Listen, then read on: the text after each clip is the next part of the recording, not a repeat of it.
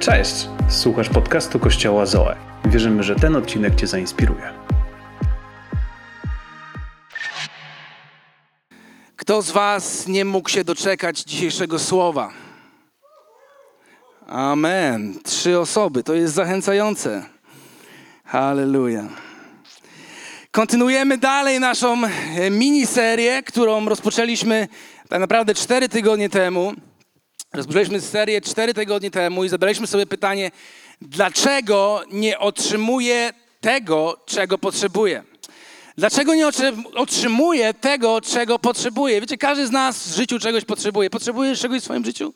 Tak, jest jakaś osoba, która czegoś potrzebuje, okej, okay, jedna, dwie osoby, trzy, cztery, pięć, sześć. Wiecie, i czasami jest tak, że modlimy się i próbujemy i szukamy różnych sposobów, aby to otrzymać i nic. I zadajemy sobie pytanie, Boże, dlaczego? I cztery tygodnie temu poruszyliśmy pierwszy temat, pierwszy aspekt, aspekt dlaczego. Dlaczego wielu chrześcijan nie otrzymuje tego, czego potrzebuje. I pierwszą rzeczą była wiara ponieważ brak jest nam wiary. Biblia mówi, że bez wiary nie możemy podobać się z Bogu. Inne tłumaczenie mówi, że bez wiary nie możemy zadowolić Boga naszym życiem. A więc Bóg nie jest zadowolony, kiedy patrzy na człowieka, chrześcijanina, który nie ma wiary. Później, dwa tygodnie temu, mówiliśmy o tym, że wiara potrzebuje również oczekiwania. Musisz spodziewać się, musisz oczekiwać. Oczekiwanie z kolei prowadzi, prowadzi do działania, do aktu, do ruchu, do poruszenia. I mówiliśmy o kobiecie, która była chora na krwotak. I ona powiedziała, jeśli tylko bym dotknęła się szaty Jezusa, to oznaczało, że ona oczekiwała, że jeśli tylko się dotknie, to na pewno będę uzdrowiona, powiedziała.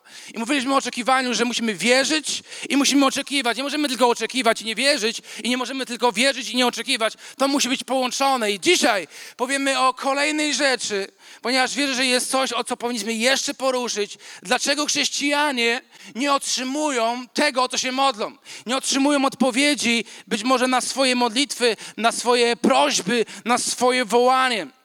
Oczywiście, każdy z nas był kiedyś w takim momencie, może dzisiaj jesteś w takim momencie, że modlisz się i modlisz się być może miesiąc, może modlisz się pięć miesięcy, może modlisz się już półtorej roku, a może modlisz się dziesięć lat i co? I guzik. I nie ma odpowiedzi. I przychodzisz i mówisz, Boże, co jest nie tak? Co robię nie tak w moim życiu, że ta odpowiedź, że ten przełom, że to błogosławieństwo nie przychodzi do mojego życia? Ktoś z Was był kiedyś albo jest w takim miejscu? Ja byłem w takim miejscu. Byłem w takim miejscu, gdzie modliłem się i nie widziałem odpowiedzi na moją modlitwę. Szukałem, czekałem i ta odpowiedź nie przychodziła. Wiecie, i prawdopodobnie może być wiele przyczyn tego i nie odpowiemy na wszystkie pytania, każde indywidualnie, dlaczego, dlaczego twoja sytuacja taka jest, dlaczego twoja sytuacja, ale to, co możemy zrobić, możemy dzisiaj zajrzeć do Biblii. Ponieważ pewne pytania dopiero być może będziemy znali odpowiedź za 5 lat, kiedy coś się wydarzy w Twoim życiu, albo za 10 lat, kiedy pewne czy zrozumiemy. A może są pytania, na które dopiero znajdziemy odpowiedź w niebie, kiedy spotkamy Boga twarzą w twarz i wtedy nagle przyjdzie objawienie do naszego życia, przyjdzie pełnia zrozumienia do naszego życia, dlaczego pewne rzeczy, nasze modlitwy tutaj na ziemi nie zostały wysłuchane. I dzisiaj o tym, o tym powiemy. Dlatego dzisiaj pozostaje nam Biblia pozostaje nam Biblia i objawienie z Bożego Słowa. Boże Słowo tak naprawdę jest wszystkim, czego chrześcijanin potrzebuje. Kiedy, kiedy czytasz Boże Słowo, kiedy nagle przychodzi objawienie, to rzeczy, które wcześniej były nieodkryte, tym jest objawienie. Rzeczy, które wcześniej dla ciebie były nieodkryte, nagle zostają odkryte. To jak taka, takie zaślepione oczy, nagle zaczynasz widzieć, przejrzysz na oczy i zobaczysz, co Bóg chciał ci przez ten fragment powiedzieć. I dlatego wierzę, że w Bożym Słowie Ci znajdziemy odpowiedź i, i założymy pewien fundament, ale zanim tam dojdziemy, pomódlmy się, aby Bóg mówił do nas. Amen? Możemy pochylić nasze głowy. Ojcze w niebie, my dziękujemy Ci Twoje Słowo. Dziękujemy, że to Twoje Słowo jest prawdą i za to, swoje, za to, że Twoje Słowo uwalnia, za to, że Twoje Słowo przynosi, przynosi poznanie i zrozumienie rzeczy, które nie są jasne. I dlatego modlę się dzisiaj, aby Twoje Słowo było wyraźne, klarowne i zrozumiałe dla każdej osoby, która jest na tym miejscu. Modlę się, aby nasze serca, aby nasze uszy były otwarte na to, co chcesz powiedzieć i każdy powiedział Amen, amen. A więc Ewangelia Mateusza, siódmy rozdział, to jest nasz fundament. Na tym dzisiaj zbudujemy coś, ok? Założymy fundament, na którym dalej będziemy budowali. I tam jest napisane tak, siódmy rozdział, siódmy werset. Proście, a będzie wam dane. Powiedzcie dane. Dane. Szukajcie, a znajdziecie. Pukajcie, a otworzą wam. Każdy bowiem, kto prosi, otrzymuje. Kto szuka, znajduje. A kto puka, temu otworzą. Czy jest pośród was taki człowiek, który gdy go syn go poprosi o chleb, podaje mu kamień? Lub gdy prosi o rybę, podaje węża? Jeśli więc wy upadli ludzie, wiecie jak do, dawać dobre dary swoim dzieciom, o ileż bardziej, powiedzcie głośno bardziej, o ileż bardziej wasz Ojciec, który jest w niebie, da to, co dobre tym, którzy Go proszą. To jest nasz fundament, na którym zakładamy dzisiaj naszą, naszą całe budowanie, objawienie, które Bóg chce nas przekazać. Ten fundament mówi: proście, a będzie wam dane, szukajcie, a znajdziecie, pukajcie, a otworzą nam. To jest nasz Bóg. To jest nasz Bóg, który nam pokazuje, że jeśli będziesz prosił, to dostaniesz. Jeśli będziesz szukał, to znajdziesz. I jeśli będziesz pukał, to zostaną drzwi otwarte w Twoim życiu. I wielu chrześcijan chwyta się tylko tej pierwszej części. Tej pierwszej części, która mówi: Każdy bowiem, kto prosi, powiedzcie każdy. Czyli każdy z nas może się odwrócić w lewo, w prawo, zobaczyć każdego człowieka na tej sali. A więc każdy z tych ludzi, których widzisz na swoje oczy, tu jest napisane, bowiem kto poprosi, kto prosi, otrzymuje. Kropka. Tak tu jest napisane. Każdy bowiem, kto z was poprosi i będzie prosił, i będzie szukał, i będzie pukał, ten znajdzie odpowiedź w niebie. To jest nasz fundament, na którym budujemy. I wielu chrześcijan chwyta się tylko tej pierwszej części. Proszą Boga o coś i mówią, przecież w Ewangelii Mateusza w siódmym rozdziale jest napisane, że każdy. Jest napisane, że proście, a będzie wam dane. Więc Boże, dlaczego? Dlaczego już trzy lata proszę i nic? Dlaczego już trzy lata proszę i nie widzę żadnej odpowiedzi? Wiecie, Wielu chrześcijan chwyta się tylko tej pierwszej rzeczy, ale Jezus nie zostawił tego na tym ósmym wersecie, gdzie jest napisane: Każdy bowiem, kto prosi, otrzymuje, ale poszedł dalej i dał nam pewną ilustrację. Widzicie tę ilustrację tutaj? Dał nam ilustrację rodziców. Kto z Was jest rodzicem? Kto ma dzieci? Ok, jakieś 15% na tej sali ma swoje dzieci. A więc Ci, co mają dzieci, oni wiedzą, że kiedy dziecko cię o coś dobrego prosi, prosi się o cokolwiek tak naprawdę, to nie dasz mu złych rzeczy. Nie jesteś taką osobą, która będzie się mściła na swoim dziecku i dawała mu złe rzeczy. On był niegrzeczny i ty mówisz, a mam ciebie teraz, dam ci złe rzeczy. Dam ci nóż na przykład. Albo dam ci zapałki. Nie, nie, żaden rodzic tego nie robi. Kiedy dziecko go o coś prosi, daje mu co? Daje dobre rzeczy. I tutaj daje nam ilustrację Jezus, że kiedy prosimy Boga, On przychodzi i daje nam dobre rzeczy. Wiecie, mój Zak ma półtorej roku, prawie jeszcze niecałe, i on czasami coś zobaczy, co ja mam. Na przykład ostatnio zobaczył czekoladę, którą miałem. I on zaczął, zaczął naprawdę mocno mnie prosić na wszelkie sposoby, krzyczeć, płakać i wszystko robić, co tylko potrafił, aby tą czekoladę, całą tabliczkę otrzymać w swoje ręce. Ale ja wiedziałem, że to nie jest dobre dla niego. I inna sytuacja, obudził się o czwartej rano ostatnio, szczęśliwy i mówi, tata, baju. Baju to jest bajka. I on o czwartej rano, kiedy wszyscy śpią, kiedy nie jest czas na wstawanie dla, dla półtora rocznego dziecka, to nie jest moment, w którym on powinien oglądać bajki, prawda? Zgodzicie się ze mną? A więc mówię synu, nie, to nie jest ten odpowiedni moment. Innym razem zobaczył mój dezodorant w sprayu i on powiedział, że on chce ten dezodorant. Zaczął sztupać nogami, krzyczeć, płakać. On mówi, że on chce ten dezodorant, chce się bawić tym sprayem. I ja wiem, że to nie jest dobre dla niego. Może to będzie dobre, kiedy będzie nastolatkiem i kiedy zacznie dorastać i zacznie dojrzewać, to wtedy pewnie będzie dobre. Ale ja jako ojciec wiem, co dla niego dzisiaj jest dobre, a co dla niego nie jest dobre, co mogę mu dać, a czego w tym momencie nie powinienem mu dać. I to jest nasz fundament, na którym budujemy, że tu jest napisane: Ojciec, który jest w niebie, da to, co dobre. I o tym musimy pamiętać. Że kiedy prosimy, to Ojciec w niebie da to, co jest dobre dla ciebie w tym momencie. A więc nie zawsze wszystko, o co prosimy, tak jak mój syn, jest dobre dla ciebie w tym momencie.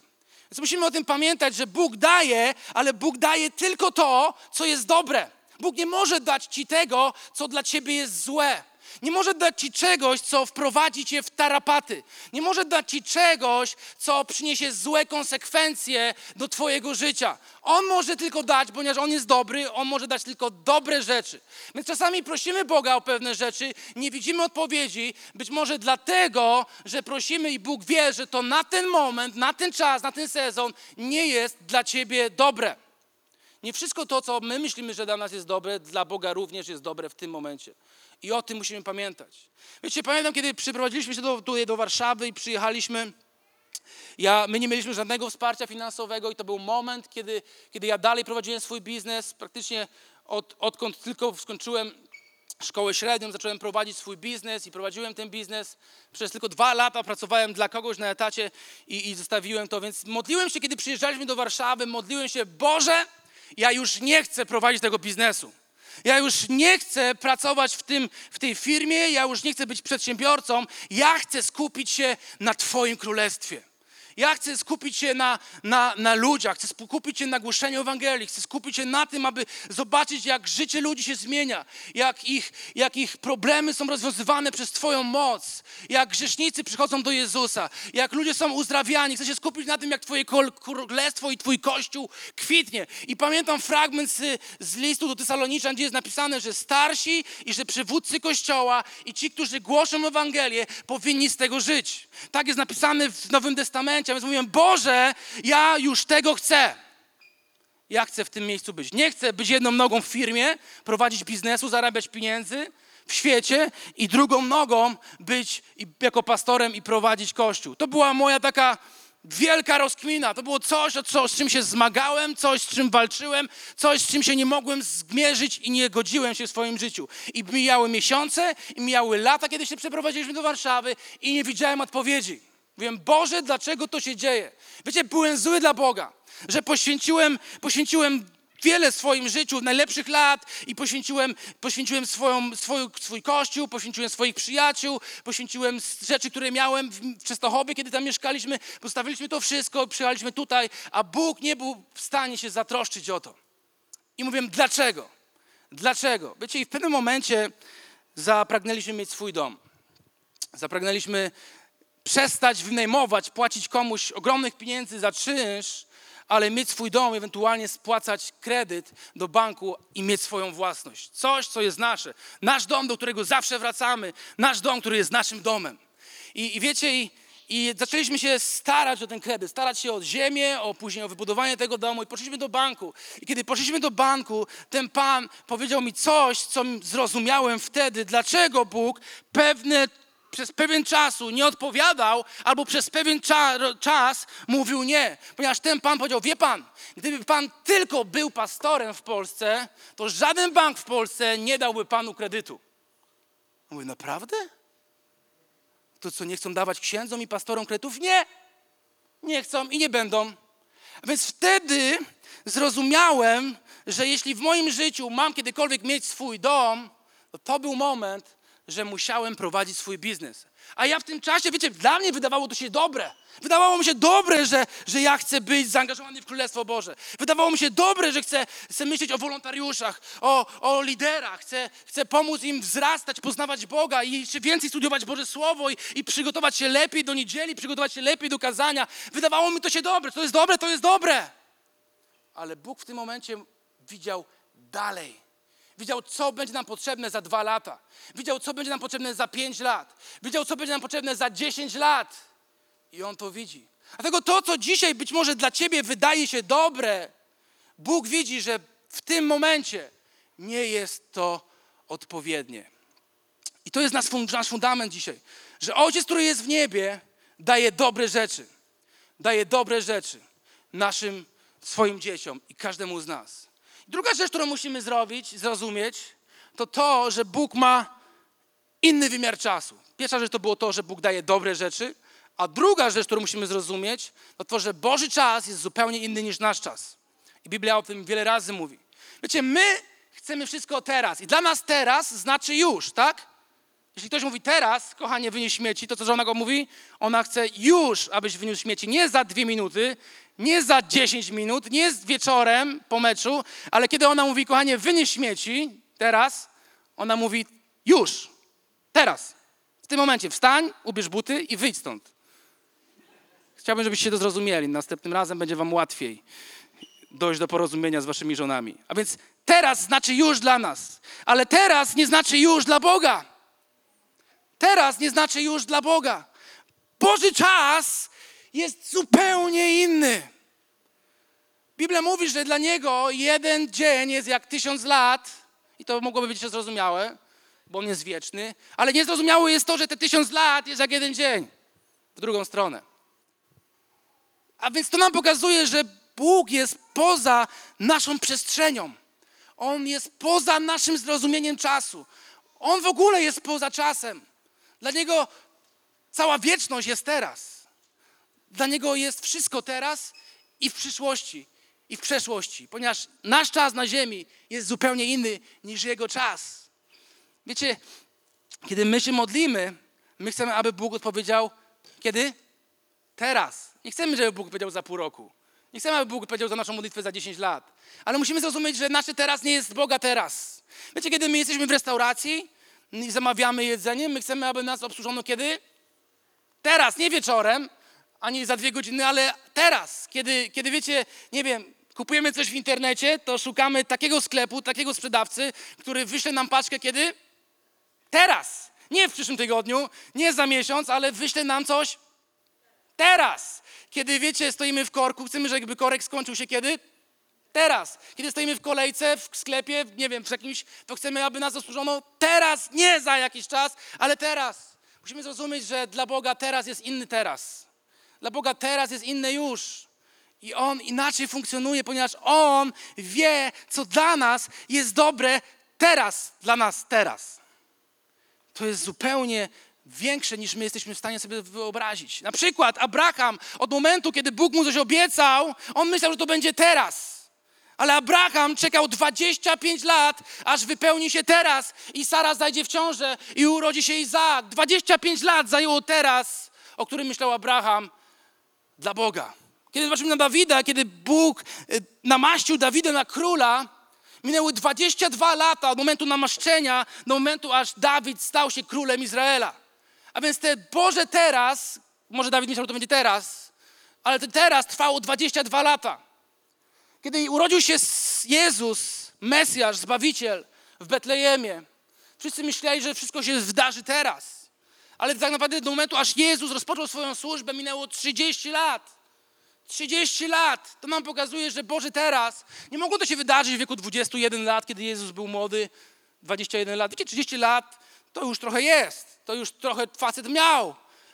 Mogło się to wydarzyć, ale Bóg pokazuje, że Jego czas jest zupełnie inny. I On daje dobre rzeczy według swojego teraz. A więc czekanie, musimy zrozumieć, że ten czas czekania na Bożą odpowiedź jest częścią procesu otrzymywania. To, że czekasz, to nie znaczy, że jest coś źle z tobą. Może tak znaczyć, ale wcale tak nie znaczy. To, że czekasz, znaczy, że Bóg może ma to przygotowane na kolejny e- okres, na kolejny sezon w Twoim życiu. Jezus powiedział: proście, a będzie Wam dane, szukajcie, a znajdziecie, pukajcie, a otworzą Wam. I niektórzy rozumieją to w ten sposób, że poproście, a będzie Wam dane, poszukajcie, a będzie Wam dane, i zapukajcie, a będzie Wam dane. I to jest różnica, duża różnica. Tu jest napisane proście, a nie poproście. Gdzie różnica pomiędzy słowem proście, a poproście? Pukajcie, a zapukajcie. Wiecie, kiedy zapuka, to jest raz, zapuka, nikt nie otwiera i on idzie dalej. Ale tu jest napisane pukajcie. Nie jest napisane, czy macie pukać 5 minut, czy, czy 5 dni, czy 5 miesięcy, czy 5 lat. Jest napisane pukajcie. Myślę, że angielska gramatyka jest dużo bardziej zrozumiała, ponieważ oni mają tak zwany czas teraźniejszy ciągły. Mają teraźniejszy, tak jak my Polacy, ale oni mają coś więcej, oni mają teraźniejszy ciągły. Czyli to jest coś, co trwa i coś, co trwa stale.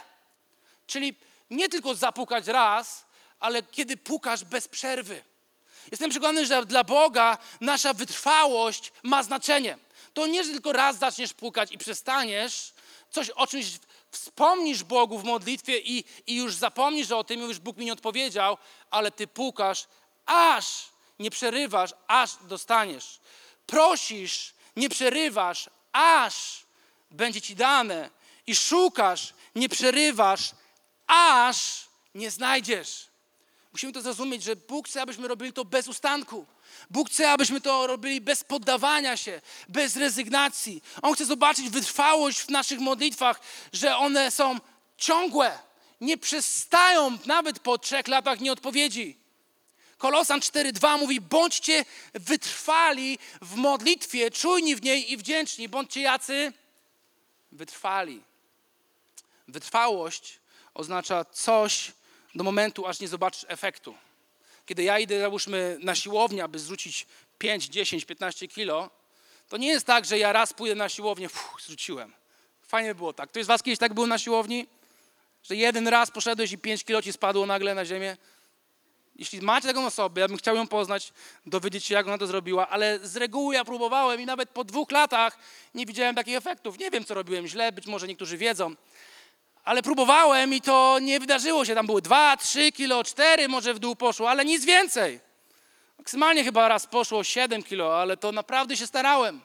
I byłem wytrwały w moich postanowieniach. I dokładnie to nam chce pokazać Bóg, że tym jest wytrwałość, że nie przestajesz do momentu, aż nie zobaczysz efektu. I Boże, teraz znaczy, że może to trwać dłużej niż Ty myślisz. Ale co się dzieje w tym momencie, kiedy czekamy? Co się dzieje w tym momencie, kiedy nie widzimy odpowiedzi? Zastanawiałeś się, co się dzieje wtedy z Tobą? Co Bóg może robić w tym momencie, kiedy Ty mówisz, Boże, co się dzieje? Czemu nie widzę nic? Co się wtedy dzieje tak naprawdę? Wtedy Bóg zwleka. Wtedy Bóg czeka, ponieważ testuje Ciebie. On w tym momencie Ciebie sprawdza. Chcę, abyśmy zrozumieli, że Bóg testuje człowieka. To nie jest tak, że Bóg Ciebie nie testuje. I to jest coś, co powinno nas zestresować teraz. Że Bóg mnie testuje. Bóg Ciebie testuje, ponieważ On Ciebie kocha. Kiedy ja kocham moje dzieci, ja będę ich testował w różnych sytuacjach, w różnych momentach ich życia. Kiedy im coś każę zrobić, kiedy czegoś od nich oczekuję, będę ich testował, ponieważ ich kocham. I Bóg Ciebie kocha i On Ciebie testuje. Zanim Bóg przyjdzie z błogosławieństwem do Twojego życia, zanim On to zrobi, On Ciebie przetestuje. Uh! Bam! Zanim Bóg przyjdzie z przełomem do Twojego życia, On Ciebie przetestuje. Zanim Bóg przyjdzie z odpowiedzią do Twojego życia, odpowie na Twoją modlitwę, On Ciebie przetestuje. A więc nie myśl, że czas oczekiwania to jest czas taki leniwy. To jest czas, kiedy nie musisz nic robić, po prostu sobie czekasz. To jest moment testu. To jest sprawdzian dla Ciebie. To jest egzamin. Wiecie, my ludzie nie lubimy egzaminów. Kto z Was lubi egzaminy? Nikt nie lubi egzaminów. My nie lubimy, kiedy ktoś nas sprawdza, kiedy ktoś nas testuje, kiedy ktoś sprawdza, próbuje nas, czy jesteśmy ok, czy nie jesteśmy ok. My tego nie lubimy. Ale Bóg kocha testy. On będzie nas testował. On będzie nas sprawdzał w najmniejszych momentach, w najmniejszych sprawach naszego życia, zanim przyjdzie z odpowiedzią. Dowodem na to jest na przykład Stary Testament przy powieści Salomona 17:3. W tyglu wytapia się srebro, w piecu złoto, lecz tym, który bada serce, znaczy badać, badać znaczy sprawdzać, testować. Lecz tym, który bada serca, jest Pan. Pan bada Twoje serce, sprawdza, co się dzieje w Twoim sercu czy już jest czas, że może przyjść z odpowiedzią. Pierwszy Tesaloniczan 2,4 mówi Nowy Testament, nie czyńmy tego, aby podobać się ludziom, lecz Bogu, który bada. Co robi Bóg? Bada nasze serca. A więc w momencie, kiedy czekasz na odpowiedź, to jest sezon testu dla Twojego życia. I musimy być tego świadomi, że, że kiedy jeszcze nie otrzymałeś odpowiedzi, to jest moment testu, moment sprawdzenia, moment, kiedy Bóg spada, sprawdza, testuje. I wiecie, ja nie wiem, jak długo nie widzisz odpowiedzi, ale jeżeli nie widzisz odpowiedzi, są dwa powody, dla których nie widzisz odpowiedzi. Pierwsze to jest ten powód, że być może zrezygnowałeś, bo nie zobaczyłeś odpowiedzi na czas, na twoje teraz i powiedziałeś, ok, już więcej nie proszę.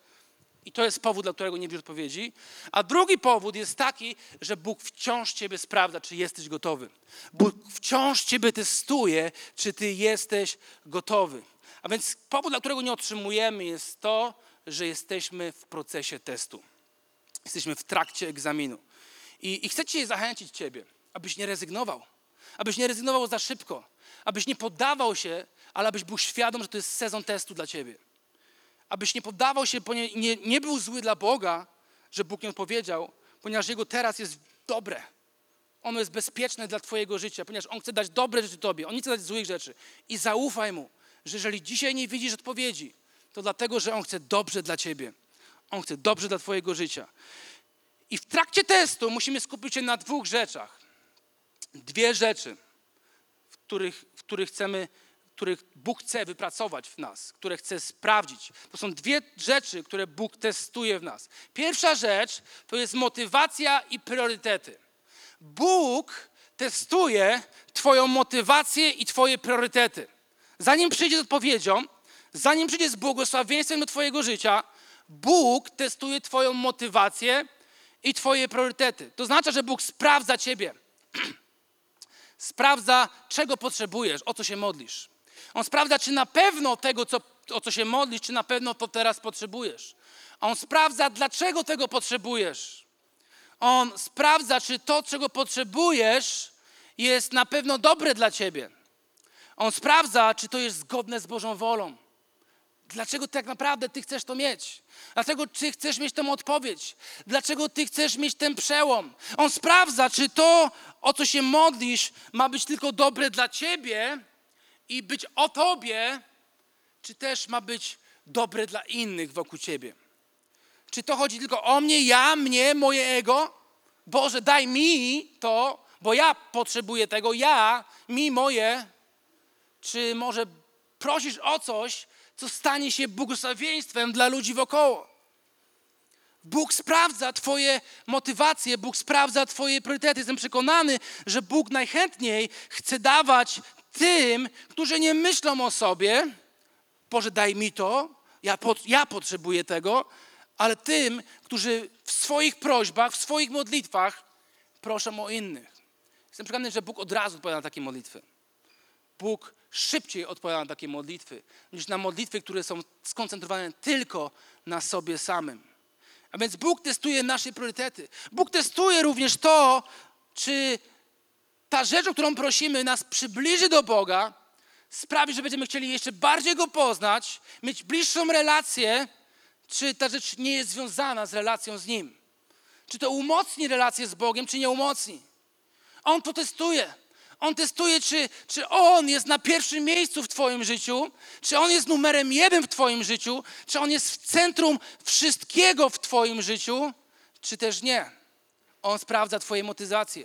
On sprawdza Twoje priorytety.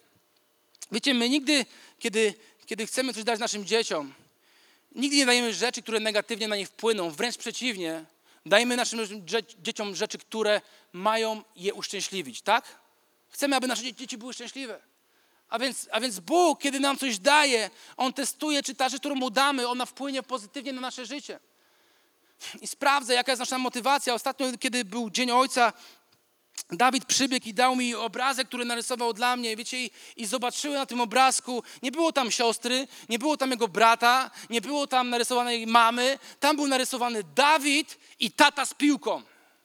A więc to mi pokazało, czego on tak naprawdę chce w swoim życiu, czego on potrzebuje w tym sezonie. On potrzebuje taty, piłki i siebie razem, połączonych w jednym momencie, w jednym czasie.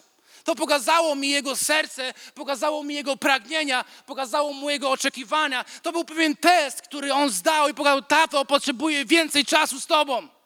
A więc zanim Bóg odpowie na Twoje potrzeby, odpowie na Twoje modlitwy, On sprawdzi Twoje priorytety, czy Ty naprawdę przez to, co chcesz, się chcesz przybliżyć do Niego samego.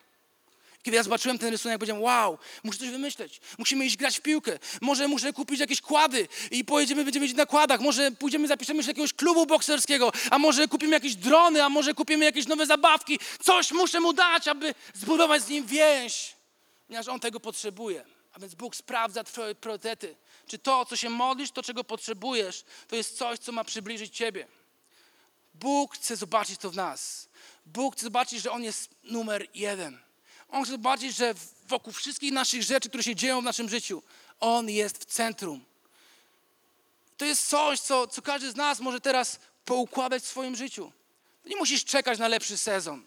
Nie musisz czekać na lepszy moment, kiedy poukładasz swoje priorytety, kiedy poukładasz swoje motywacje, kiedy naprawisz pewne rzeczy w swoim życiu. To jest coś, co możesz zrobić dzisiaj. I Kinga mówiła o tym dzisiaj, że, że, że, że tworzymy nowy, nowy team, nowy zespół, Zoe TV.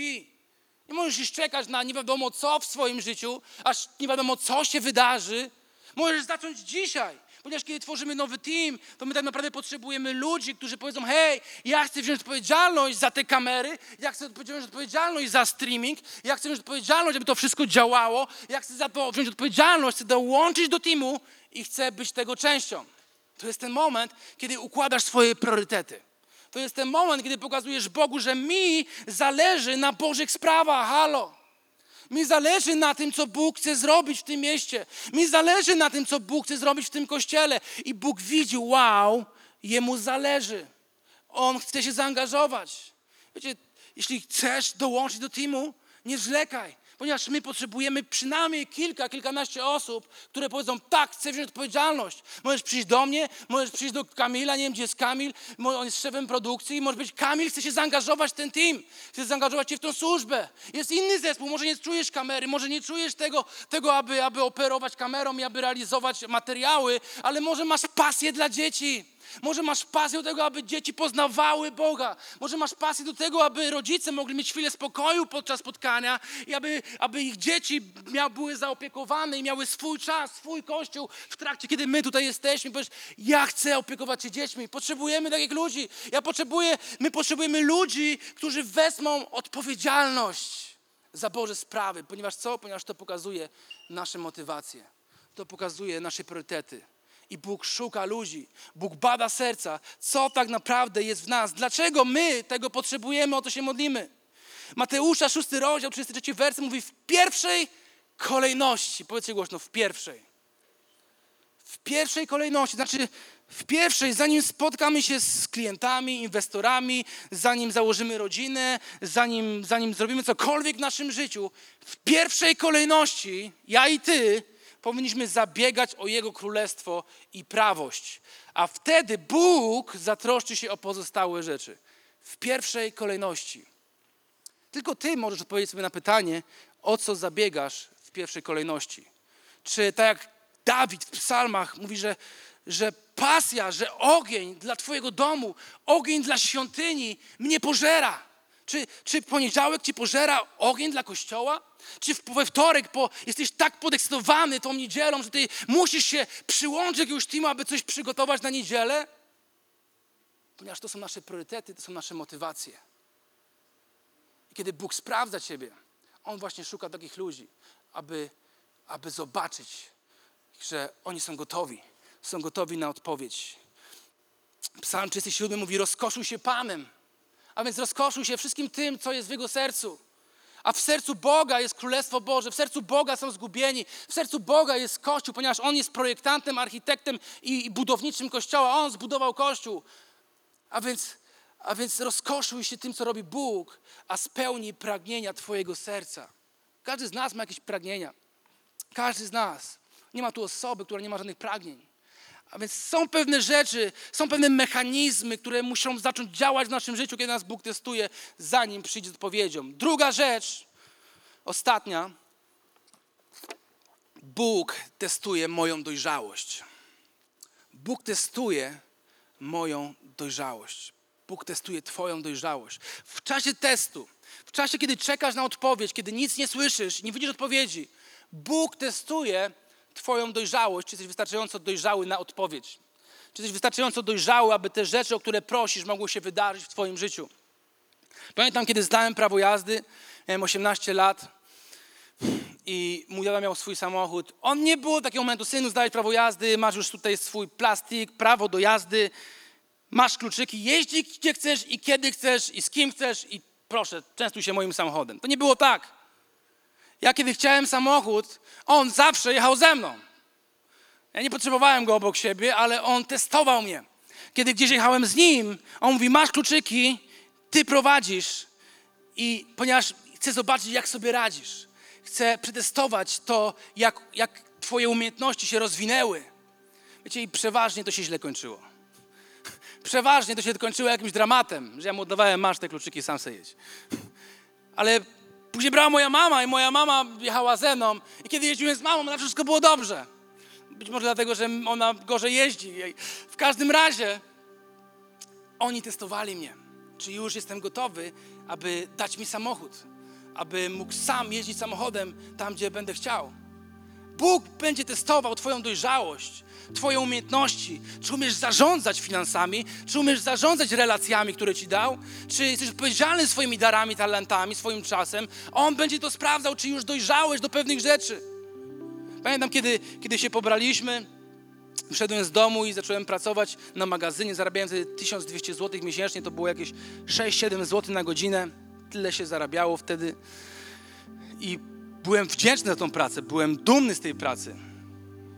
I, i nie starczało nam tych pieniędzy. Normalnie nam nie starczało. Więc poszedłem do banku i powiedziałem, proszę panią, ja pracuję, mam moją umowę, proszę zobaczyć, tu jest umowa. Chciałbym kartę kredytową. I ta pani mi opowiedziała o tej karcie, jak ona jest wspaniała. I ja powiedziałem, okej, chcę tą kartę. I podpisałem dokumenty, podpisałem papiery na tą kartę. I wiecie, że w ciągu kilku dni rozwaliłem całą tą kartę kredytową? Po prostu opróżniłem ją. Dała mi nieduży limit, dzięki Bogu, 2000 zł. Ale te 2000 w ciągu kilku dni po prostu się rozpłynęło. Nie było ich. Dlaczego? Ponieważ byłem niedojrzały. Nie umiałem zarządzać pewnymi rzeczami. Nie wiedziałem, że karty kredytowe są dla tych, którzy tak naprawdę mają pieniądze, nie dla tych, którzy nie mają pieniędzy. Karty kredytowe są dla tych, którzy umieją zarządzać swoimi finansami, którzy mają płynność finansową, nie dla tych, którzy ich nie mają. Ponieważ byłem niedojrzały, doprowadziłem do takiej sytuacji. A więc jeśli Bóg nas kocha, On będzie nas testował, sprawdzał, zanim odpowie na nasze potrzeby, zanim przyjdzie z odpowiedzią, żebyśmy nie wpakowali się w tarapaty w naszym życiu. Żebyśmy mogli żyć zgodnie z naszym powołaniem, z Jego wolą, ponieważ On nas kocha. On nas kocha. Dojrzałość prawdziwa polega na tym, że, że umiesz czekać na pewne momenty w swoim życiu.